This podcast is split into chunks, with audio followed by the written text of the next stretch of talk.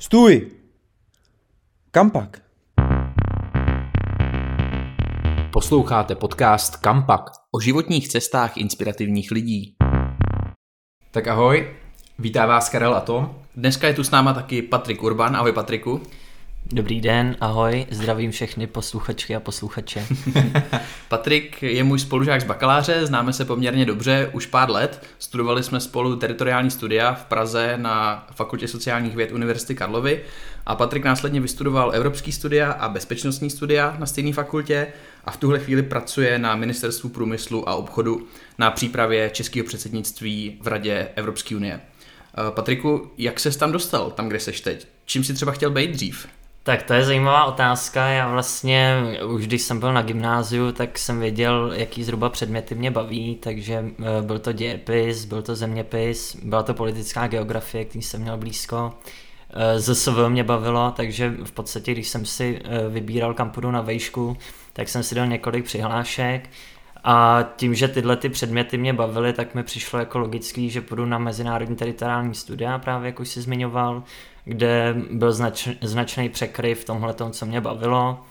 Ehm, vlastně ten bakalář funguje tak, že to je poměrně obecně pojatý ehm, a slouží k tomu, aby jak si připravil studenty na magisterskou specializaci, kdy člověk mm. si mhm. může vybrat už konkrétní teritorium, na který se chce zaměřit takže, takže asi takhle na úvod. No. Jasně. Právě když se řekne teritoriální studia, tak spousta lidí neví, co si pod tím mají představit a moji rodiče doteď, když jim řeknu, co jsem studoval na bakaláři, hmm. tak si to nepamatujou a nechápou to, vůbec neví, co to je za obor a k čemu to je, proč takový obor studovat. Ale já vždycky, když to vysvětluju, tak radši sahám k výrazu mezinárodní vztahy, protože přesně jak říká, že člověk řekne mezinárodní teritoriální studia, tak není úplně jasný, co si pod tím představit.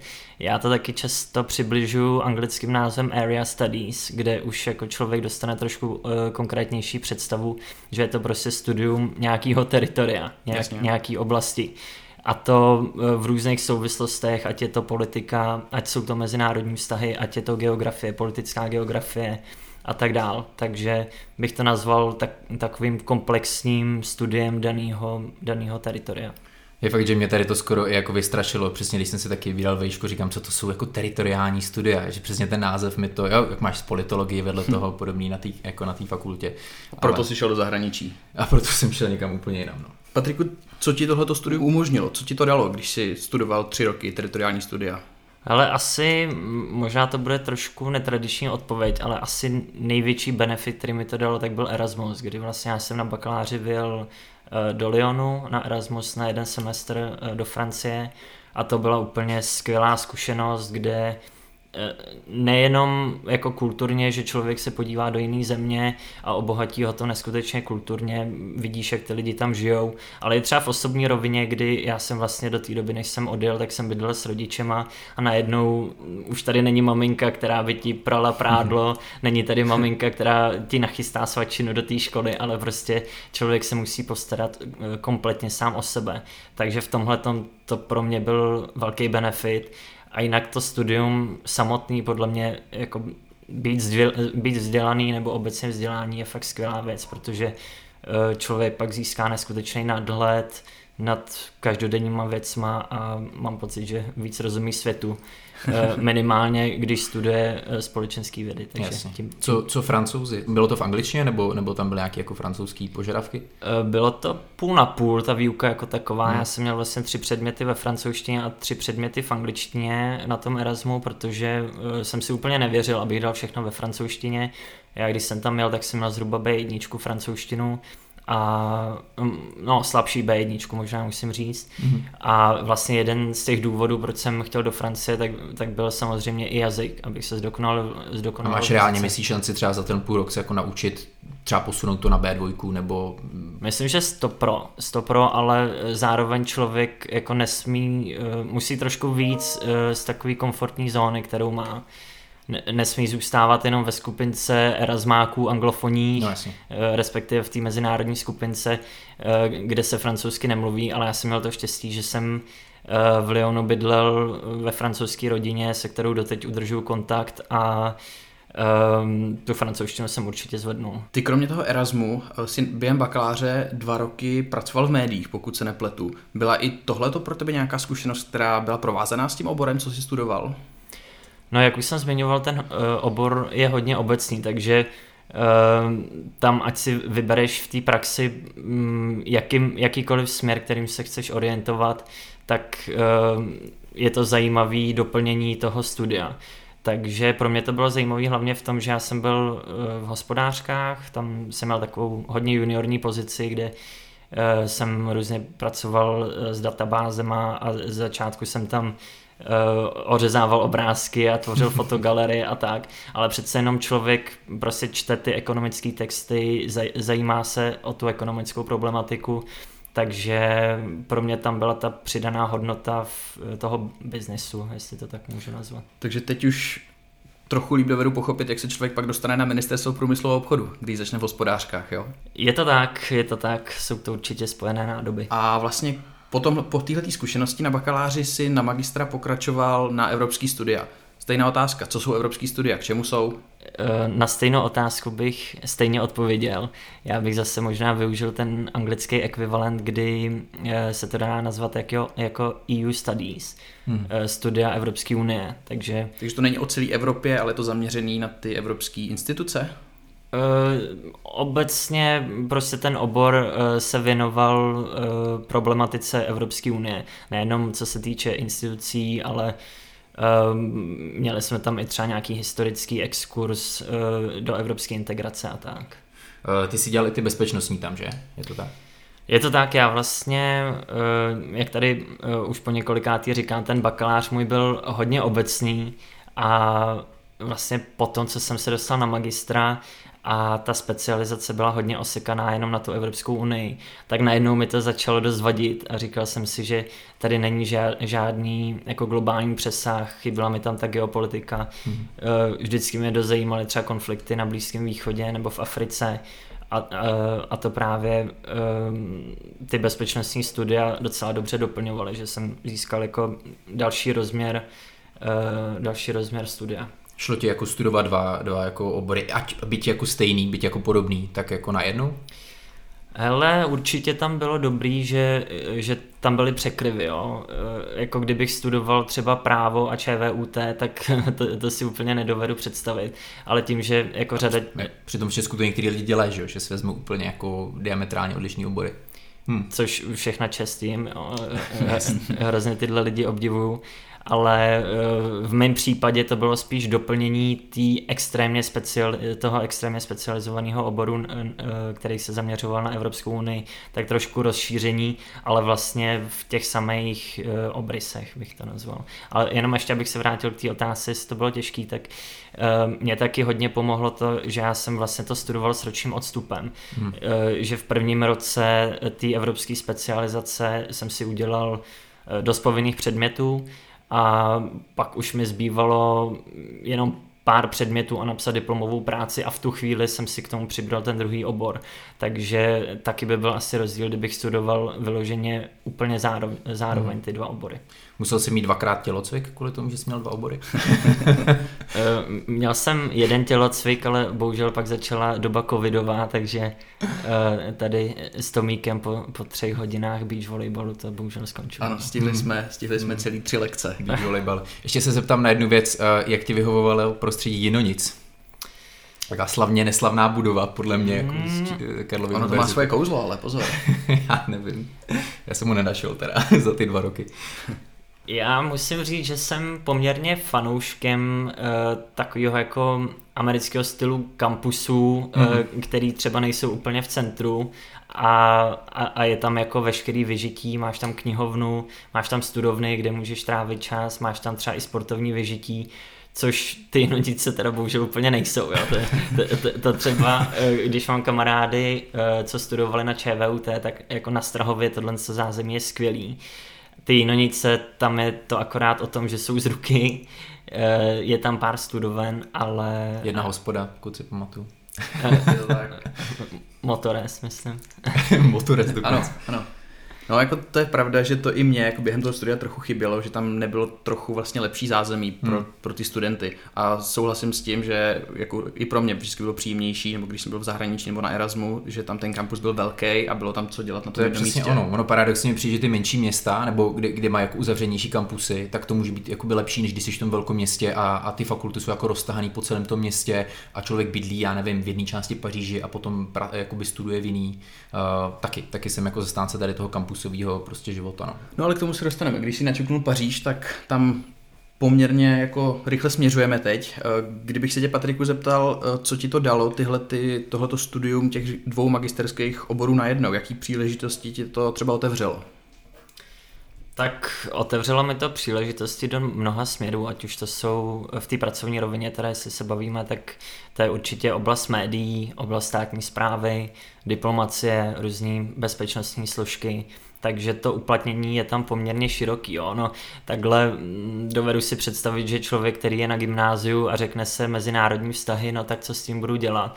Ale ve finále, když pak se člověk do toho ponoří a, a získá nějakou jako specifikaci, insight do toho a seznámí se s lidma, tak uh, to uplatnění je tam fakt dost široký. Využil jsi během studia nějaký stáže? Eh, Využil jsem jich několik. Vlastně moje první stáž byla na ministerstvu zahraničí eh, na odboru ekonomické diplomacie, kde jsem působil, no teď ani nevím, jestli tři nebo čtyři měsíce. Eh, S tím, že tu stáž nehodnotím úplně slavně. Jo. Já si myslím, že to je obecně problém českých stáží, že um, některé instituce nebo i firmy um, koukají na stážisty jako na levnou otrockou práci, hmm. který dají prostě lepení obálek a, a, a různou administrativu nezábavnou místo toho, aby toho člověka, hmm. který je motivovaný, jde, jde tam ze svého zájmu, protože to, že člověk jde na stáž a je, je ochotný tam pracovat zadarmo, to už o něčem svědčí. Že? jo. Takže místo toho, aby toho člověka, který evidentně o tu problematiku má zájem, využili, tak ho takhle úplně odstřelili. Je to no. tak, no. Bohužel mi přijde, že nejenom na jako české scéně, ale na mezinárodní scéně, co se týče těch stáží, tak nejen, že jsou jako nikdy neplacený, někdy když člověk jde třeba do United Nations, ale přesně často se tam jako nedostane k ničemu zajímavému. To jsem slyšel už z několika různých institucí, no. Takže... A ty už to naznačil, že ta eh, stáž která byla neplacená. Jak bys třeba někomu vysvětlil benefity neplacený stáže? Proč na to jít? Eh, Teď už můžu mluvit trošku i z pozice toho, že působím na tom ministerstvu průmyslu a obchodu, protože s chodou okolností zrovna nedávno jsme vybírali stážistu. Eh, Myslím si, že je super. Teď lepí obálky, předpokládám. Doufejme, že v tuhle hodinu, kdy, kdy nahráváme, už má hotovo. Nemá nějakou víkendovou šichtu, večerní třeba? Eh, Teď jsem ztratil nic z toho. Uh, stážisti, neplacený Jo, jo, stážisti, pardon. jaký mají benefit z té práce? Jo, myslím si, že hodně záleží na tom přístupu těch lidí, eh, kteří mají toho stážistu na starosti, jo. Protože my třeba jsme v oddělení vlastně um, samý mladí li- lidé a, a tím nechci říkat, že člověk vyzrálejší to tak nemůže, nemusí brát, ale eh, my prostě všichni jsme nějakými stážemi prošli a je to o tom přístupu k tomu člověku a víme, že prostě to, že ten člověk jde na neplacenou stáž, tak by mu mělo něco dát, takže se snažíme mu dávat i kreativní práci, brát ho eh, na různý jednání, prostě začlenit ho do toho týmu a, a, a ne s ním jednat jako s otrokem. Takže myslím si, že když tu stáž vedou uh, inteligentní lidé, tím si nechci úplně přihřívat polívčičku teď, tak, tak ta Dobře stáž, se pochválil. tak ta, Jako ty, jasně. t- tak ta stáž může studentovi dát hodně, ale i když ji třeba vedou méně inteligentní lidé, tak si myslím, že eh, pak je eh, stejně celá řada zaměstnavatelů, který prostě kouknou do toho životopisu, vidí tam stáž na ministerstvu zahraničí a už se třeba nepídějí tolik po tom, co ten Mhm. člověk tam dělal, ale Mhm. prostě to dobře zní. Takže i když třeba ta stáž v tom osobním hledisku nemusí být pro toho člověka tak zajímavá, tak ve finále pak třeba, když eh, se uchází o nějakou práci, tak to může být Minimálně zářez do CVčka prostě se hodí. Takže šel bys do toho znova, do neplacený stáže teď? Teď asi ne. Ne, ne v tuhle chvíli, ale kdyby si to měl znova vybrat. To je dobrá otázka, no. Asi, asi bych do ní šel uh, s tím, že, uh, jak tady říkám, jo, je, je dobrý něco v tom životopise mít. Určitě mm-hmm. není podle mě dobrý výjít z vysoké školy a uh, tak dámy a pánové, tady mě máte, student FSVUK a, a berte mě. Jo. Student na plný úvazek. to, to asi takhle nemůže fungovat. Co se týče nějakých zahraničních příležitostí, otevřelo ti to nějaký, nějaký další dveře, ty dva magisterské obory? To bych asi úplně neřekl. Um, to si nemyslím. Ale minimálně tím, že jsi vyrazil do Paříže, tak bylo to pro tebe určitě něco, uh, nějaký jako přínos k tomu studiu. No já jsem vlastně v Paříži uh, působil uh, na stáži v Českém centru čtyři měsíce, ale neřekl bych, že to mělo souvislost s tím mým studiem dvou oborů. Tam bych se asi určitě, nebo myslím si, že bych se tam dostal, uh, i kdybych studoval pouze jeden obor. Kulturní diplomacie, že jo, vlastně Český centro za, zařizují hlavně. Mhm. Přesně tak. To znamená, kdybych si to jako měl představit, tak uh, já nevím, propagují prostě český umělce, já nevím, Helenu Vondráčkovou v Paříži, nebo... Co jsi tam přesně dělal vlastně? Uh, Helenko zrovna ne, ale... Škoda. Um, jako Český centrum nebo obecně Český centra, ta je poměrně obsáhlá. Teď to nevím úplně z hlavy, ale tuším, že po světě máme zhruba 25 českých center. Mm-hmm. Eh, a zaměřují se na propagaci takovou, jak, takové té v uvozovkách vyšší kultury, jo? takže mm. ať to je třeba koncerty vážné hudby, eh, když mluvím za tu svoji zkušenost v Paříži, eh, ať to jsou třeba nějaká divadelní představení, ať to je třeba autorské čtení, literatury, hodně se tam pracuje s tím, jakoby vý, francouzsko-česká výměna, jo? takže třeba Milan Kundera je prostě já mám, já mám úplně skvělá star pro, pro pařížský český já centrum. Jsem, já mám taky představu, já jsem pro český centra dělal jednou uh, noc literatury, kdy jsem pouštěl lidi dovnitř a, a ze dveří ven, takže já jako... Tak to byla skvělá zkušenost, ne? taky, je to zářez do CVčka prostě, asi, asi bych řekl. uh, super, já se zeptám zrovna, když řešíme vlastně ty venkovní uh, stáže a práce, Měl jsi někdy chuť zůstat tam třeba jako delší dobu? Řekl jsi si, jo, ta stáž byla super, vidím se teď v Paříži, jako mm, budu žít tady a budu prostě hledat práci tady? No, um, upřímně do budoucna um, si umím představit uh, život třeba i na několik let v zahraničí, ale celkem, a k tomu se asi ještě dostaneme, mě by celkem lákala do budoucna uh, diplomacie právě přes Ministerstvo průmyslu a obchodu, ale nemyslím si, že je správná cesta, nebo aspoň z mého pohledu, já mluvím sám za sebe, nemyslím si, že je dobrá cesta přijet do toho zahraničí z České republiky uh, a jako teď přesně jsem tady Patrik z FSVUK a, a Jinonic. z, z Jinonic kampusu z Motorestu a, a přátelé máte mě tady v Paříži a teď jako hledat si tam práci, to podle mě je fakt hodně těžký.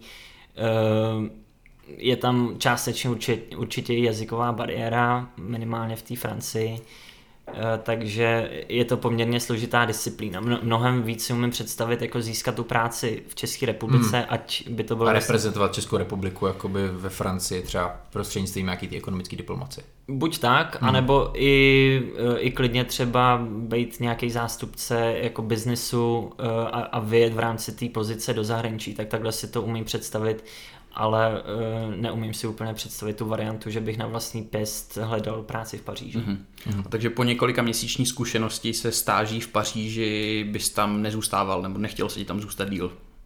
Já jsem úplně nezmínil, že mě vlastně příliš nesedlo to město jako takový. Mm-hmm. Ta Paříž pro mě byla... Kvůli čemu?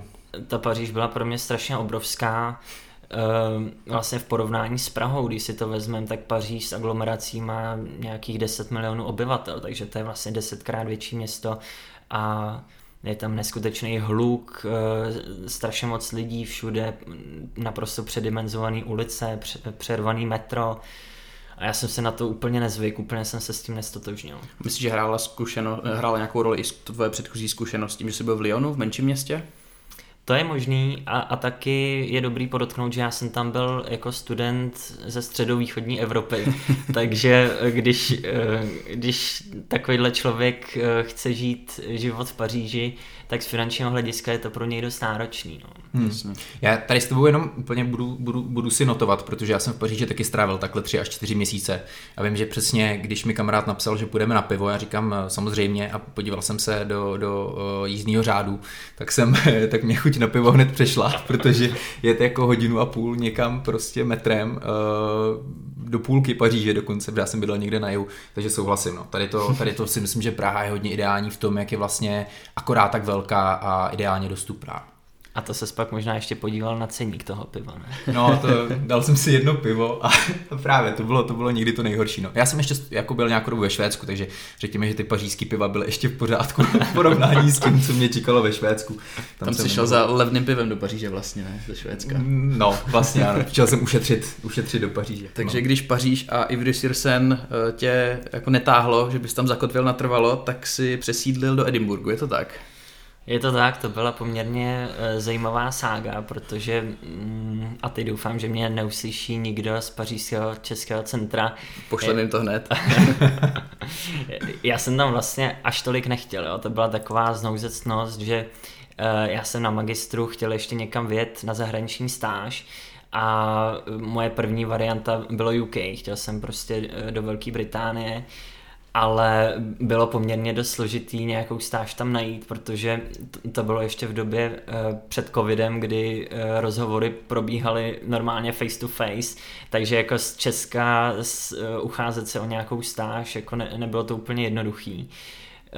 Uh, nicméně na poslední chvíli, těsně předtím, než jsem měl odjíždět do té Paříže, tak se mi ozvali z jedné neziskovky z Edinburgu, eh, že by mě tam brali, pohovory proběhly nějak jako online a nakonec teda z Paříže asi 14 dní jsem strávil v Praze a pak jsem se rovnou přesunul do Skotska. Mm. Kde jsi strávil několik dalších měsíců? Přesně tak, tři měsíce konkrétně. Takže po čtyřměsíční zkušenosti v Paříži, tříměsíční v Edinburgu se zase vrátil do Prahy, dodělal si školu a zakotvil si na ministerstvu průmyslu a obchodu. Je to tak?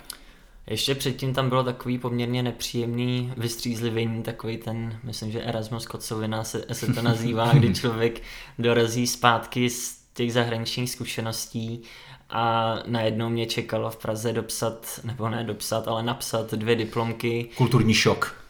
Naprosto. Studijní možná. Studijní šok. a udělat dvě státnice, no, tak to bylo dost nepříjemné. No ale teď v tuhle chvíli jsi na ministerstvu průmyslu a obchodu a pracuješ tam na přípravě českého předsednictví pro běžného člověka, co si pod tím má představit, co to přesně obnáší? Tak předsednictví eh, v Radě EU vlastně rotuje eh, mezi členskýma státama.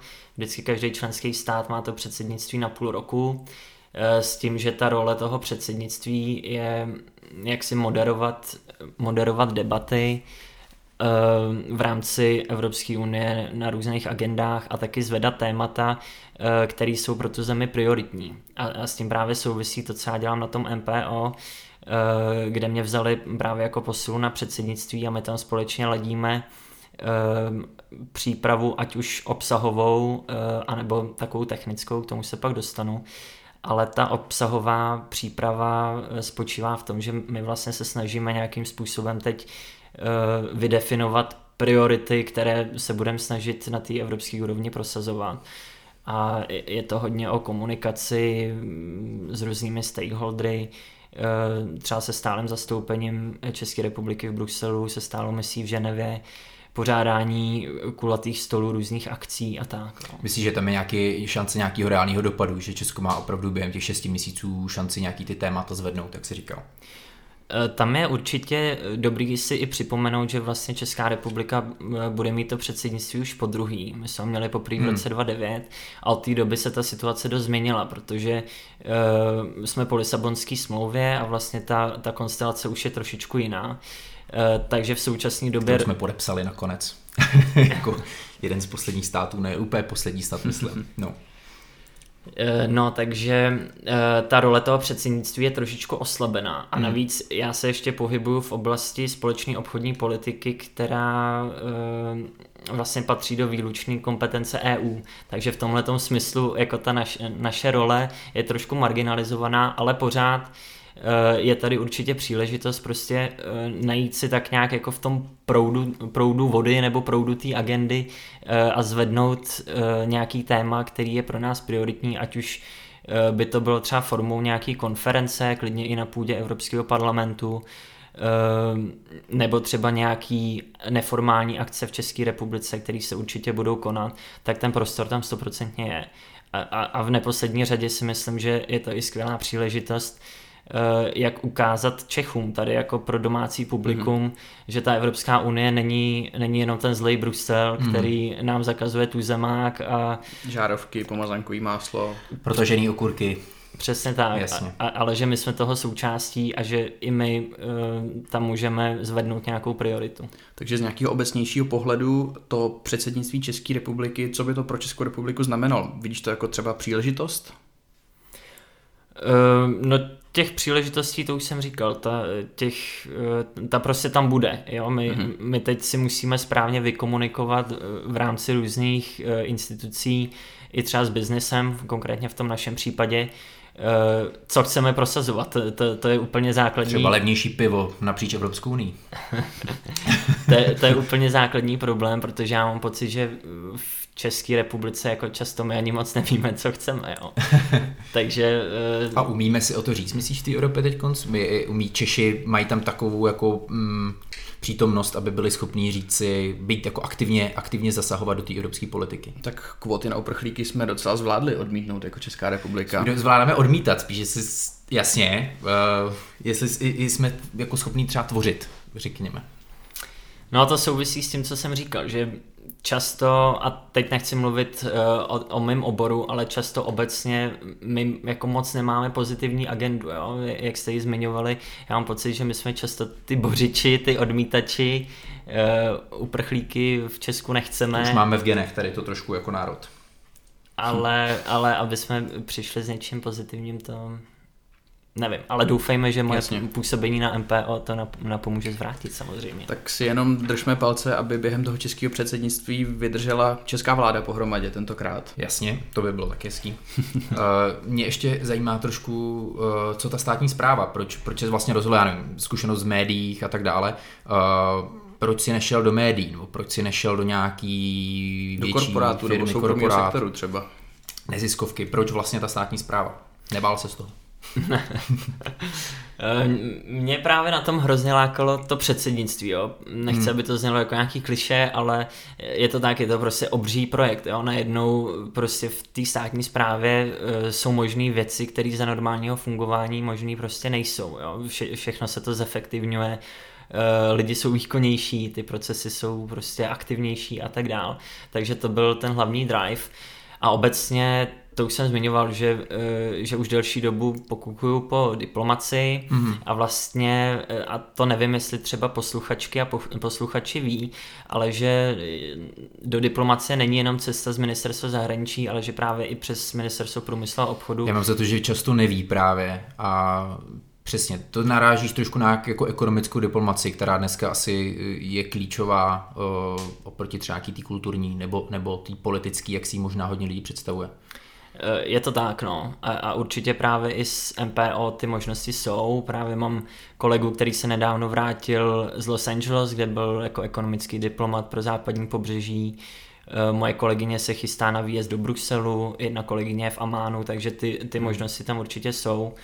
A uvidíme, nechci předbíhat, ale jestli bude window of opportunity, jak se hezky, hezky říká, tak... Mě vždycky diplomacie vlastně zněla suprově tady v těch věcech. Trošku jsem se bál toho, že přesně ty odejdeš někam na tři, na čtyři měsíce, ne na tři roky, vlastně to může být i, že vlastně máš nějakou tu, tu dobu. Jestli, jestli je to jako vyhovující život, jo? že člověk furt točí ty, uh, točí ty teritoria, řekněme. Uh, posty, mise. Ty posty. Jestli se v tom dá jako třeba tvořit život. Tak když jsi absolvent mezinárodních teritoriálních studií, tak, tak vlastně točit ty teritoria To se tak trošku očekává. um, ne, eh, teď trošku vážnější nota, jako určitě je to oběť, jo. Um, hmm. I ze strany třeba rodiny, kterou tu člověk má nebo nemá, určitě je to poměrně oběť. A... Možná se ten obor idealizuje víc, než uh, možná jak reálně někdo, uh, že, že ve finále je to fakt prostě práce. Je to práce, je to práce v cizině, často i v nějakém jako uším kolektivu, že jo, těch Čechů, co tam reprezentují. Určitě, je, je to náročná práce a berte, že člověk uh, jako nepůsobí třeba jenom v salonní diplomaci hm. v Bruselu, ale často to jsou fakt náročné destinace. Turkmenistán, začneš tam. Uh, Ten možná ještě dobrý. Nejsem si jistý, jestli máme v Turkmenistánu zastoupení, ale uh, jako může to být rozvojový stát, uh, hmm kde ta situace je fakt složitá. Jo. A, Zrovna Česká republika je jedna z mála zemí, která udržuje ambasádu v Sýrii, je to tak? Je, je to tak, no. Takže Sýrie, Irák nebo mm-hmm. třeba i Afghánistán, to, to musí být strašně složitý eh, destinace a je to fakt oběť pro, pro Českou republiku. Jo. Mm. Já bych to uh, se nebál nazvat takhle. Já jsem ještě, co se mi u toho jako nelíbí, je, že, že přesně je to relativně těžký obor a těžký vlastně se třeba propracovat skrz některé ty uh, destinace, teritoria, jak my říkáme. A, a potom vidíš, že vlastně někdo ve vládě, uh, nemusíme ani jmenovat nutně, vlastně dostane tady tu pozici jakoby zadarmo. Jo? Jakoby pro někoho by to měl být konec kariéry, řekněme v 50 dostat se na vrchol, uh, na vrchol vlastně kariérní diplomacie a tady je, je to tak jako spolitizovaná trafika, že se tam najednou dostane někdo, kdo uh, nemá předchozí zkušenosti. Může to tak být, no. Pro někoho je to řehole, pro někoho trafika. Každopádně, uh, Paťas, uh, když se dostaneme k nějakým jako dalším vyhlídkám, tak to český předsednictví to vyvrcholí v polovině příštího roku, to začíná v létě roku 2022. Čekají tě nějaký cesty do Bruselu, nebo jaký jsou tvoje další pracovní vyhlídky? Uh, ono vlastně už i teď by mě čekala řada cest do Bruselu na jednání různých pracovních skupin, ale bohužel teď to všechno probíhá v online podobě, takže... Čekají výlety do obýváku na Zoom. Přesně tak, zložnit se do obýváku a, a do kuchyně. To... Státní zpráva u, u, už se naučila se Zoomem. Státní zpráva na home office musí. Zoom je non grata, tam jsou bezpečnostní Jasně. aspekty, takže Zoom zrovna ne, ale, ale jiné platformy umíme. Jasně. No a Patriku, kam pak? No kam pak, tak do toho Bruselu snad, no, na to předsednictví. tak super, tak budeme držet palce. To byl Patrik Urban. Patriku, moc krát děkujeme za tvoje zkušenosti a za inspiraci. Děkuji moc za pozvání a přeju hodně štěstí do budoucna s touhletou skvělou iniciativou. Děkujem. A příště zase Karel a Tom. O tom, co potom?